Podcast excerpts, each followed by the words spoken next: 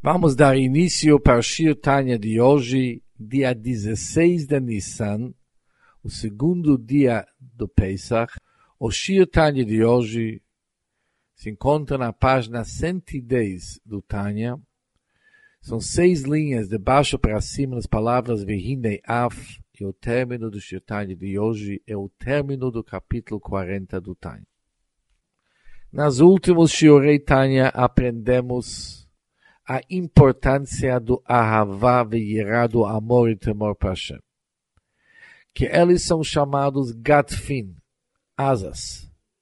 E eles que possibilitam, o Ahavá amor e temor para Hashem, possibilitam a subida e a integração da nossa Torá, nosso estudo da Torá, cumprimento dos mitzvot nas próprias firot, atributos da Hashem.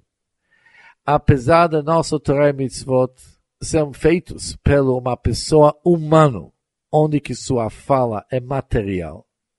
Mesmo assim, quando eles são a consequência do amor e temor, onde que eles expressam um grande amor para Hashem, o temor para Hashem, o amor e o temor para Hashem se torna para eles que nem uma alma e dá para eles uma vitalidade para poder subir e se integrar nos próprios atributos da Hashem. E aprendemos que o principal é o cumprimento da Torá e Mitzvot. O Avav e são apenas asas. E da mesma maneira como um ave, um pássaro, mesmo quando foram retiradas, removidas suas asas, ele continua um ave kasher. Porque o corpo do animal é intacto e completo. Assim também no Torá e Mitzvot, o Torá e Mitzvot, eles são completos, mas para eles poderem subir, eles necessitam do amor e temor para Hashem. Sobre isso, o Balatani vai logo fazer uma grande pergunta. Ahavá e Ira também são parte dos 613 mitzvot. Ahavá é uma mitzvah e Ira é uma mitzvah. Amar e ter medo e respeito para Hashem também são mitzvot. E por que, que eles são chamados apenas gatvin, apenas asas? והנה אב דתחילו אורחים הם גם כמתייג מצוות apesar que temor e amor para Hashem, eles também fazem parte dos 613 mitzvot. Eles, cada um por si só, é uma mitzvah. Afal pequeno Nikraim Gat, mesmo assim, eles ganharam o nome Gatfin Asas. Eles são asas para Torá e mitzvot.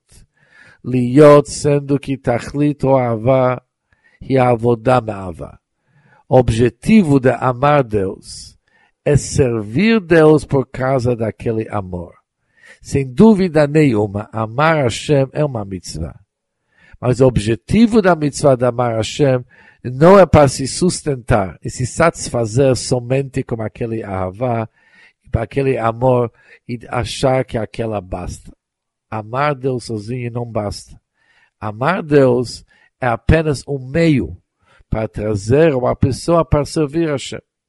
E sendo que o Ahavá é apenas um instrumento para poder servir Hashem através do Torah e Mitzvot.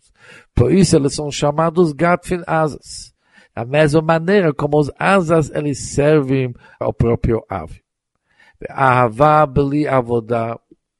O único Ahavá, amor para Hashem, sem servir Hashem. Ou seja, um amor para Hashem que não tem como objetivo o cumprimento da Torá, estudo da Torá e cumprimento das mitzvot, aonde que o Ahavá por si já é objetivo.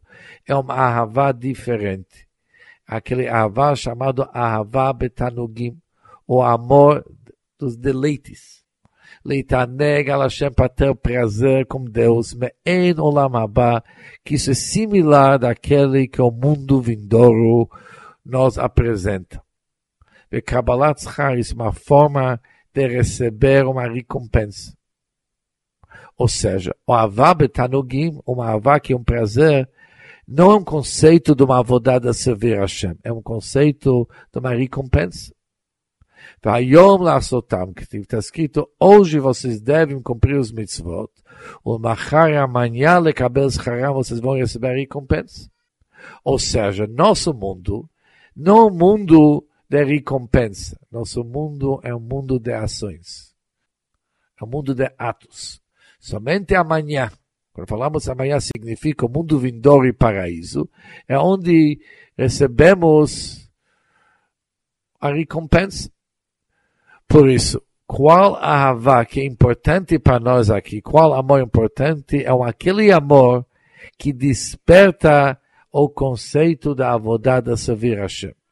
O lo higil midazulit ome lamaba. Aquele que ainda não alcançou o nível de poder ter experiência equivalente com o mundo vindouro, ou seja, aquele que ainda não atingiu o nível do avá betanugim, desse amor tão elevado, que é equivalente com o mundo vindouro. Mas mesmo assim, Adai Nafsho Shokek, ele tem uma alma sedente, que tem vontade. Bekalta Elav Kolayom, ele está em procura, em busca do Deus o dia inteiro. Ele não satisfaz sua sede. Bemei HaTorah como a água da Torá que está diante dele. Ou seja, uma pessoa que somente tem avá, somente tem a vontade, mas não satisfaz sua vontade. Hareize que me shomed banahar é o mesmo equivalente como alguém que está em pé perto de um rio. Ele fica gritando, me dão água, água para beber. Como שקובל עליו como a Navi reclama sobre ele, Hoi kol tzamei, cada um de vocês que está com sede, lechulemayim, vão buscar água. Água aqui significa estudo da Torá.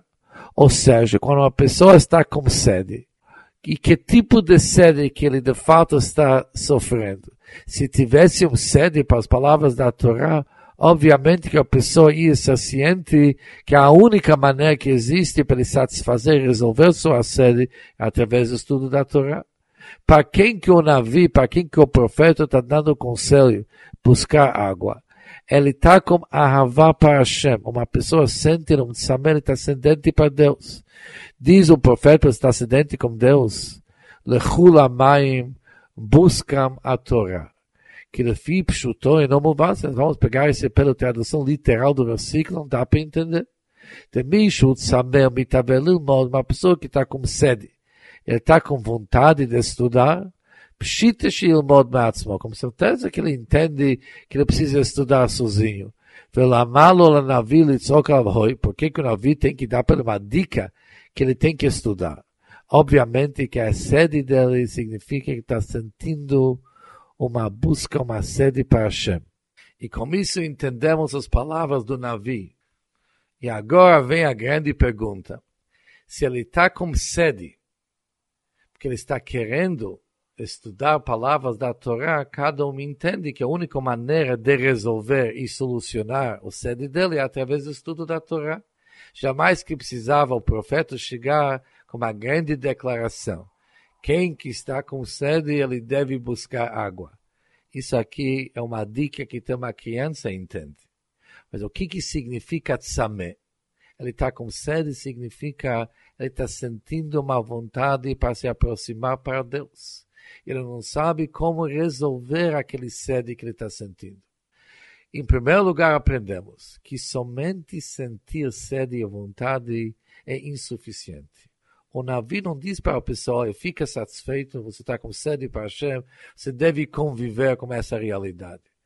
O Navi, o profeta, diz para a pessoa o seguinte, você está com sede, lechu lemaim, busca água. E o que, que significa água? Busca o estudo da Torá e através disso aqui você vai conseguir satisfazer tua vontade de se aproximar para Hashem, como isso é explicado em outros lugares mais em detalhes. Com isso podemos concluir o Shirtanya de hoje.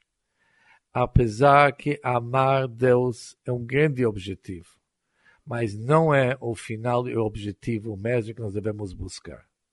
O objetivo é traduzir aquele amor para Hashem em atos no cumprimento das mitzvot e estudo da Torá.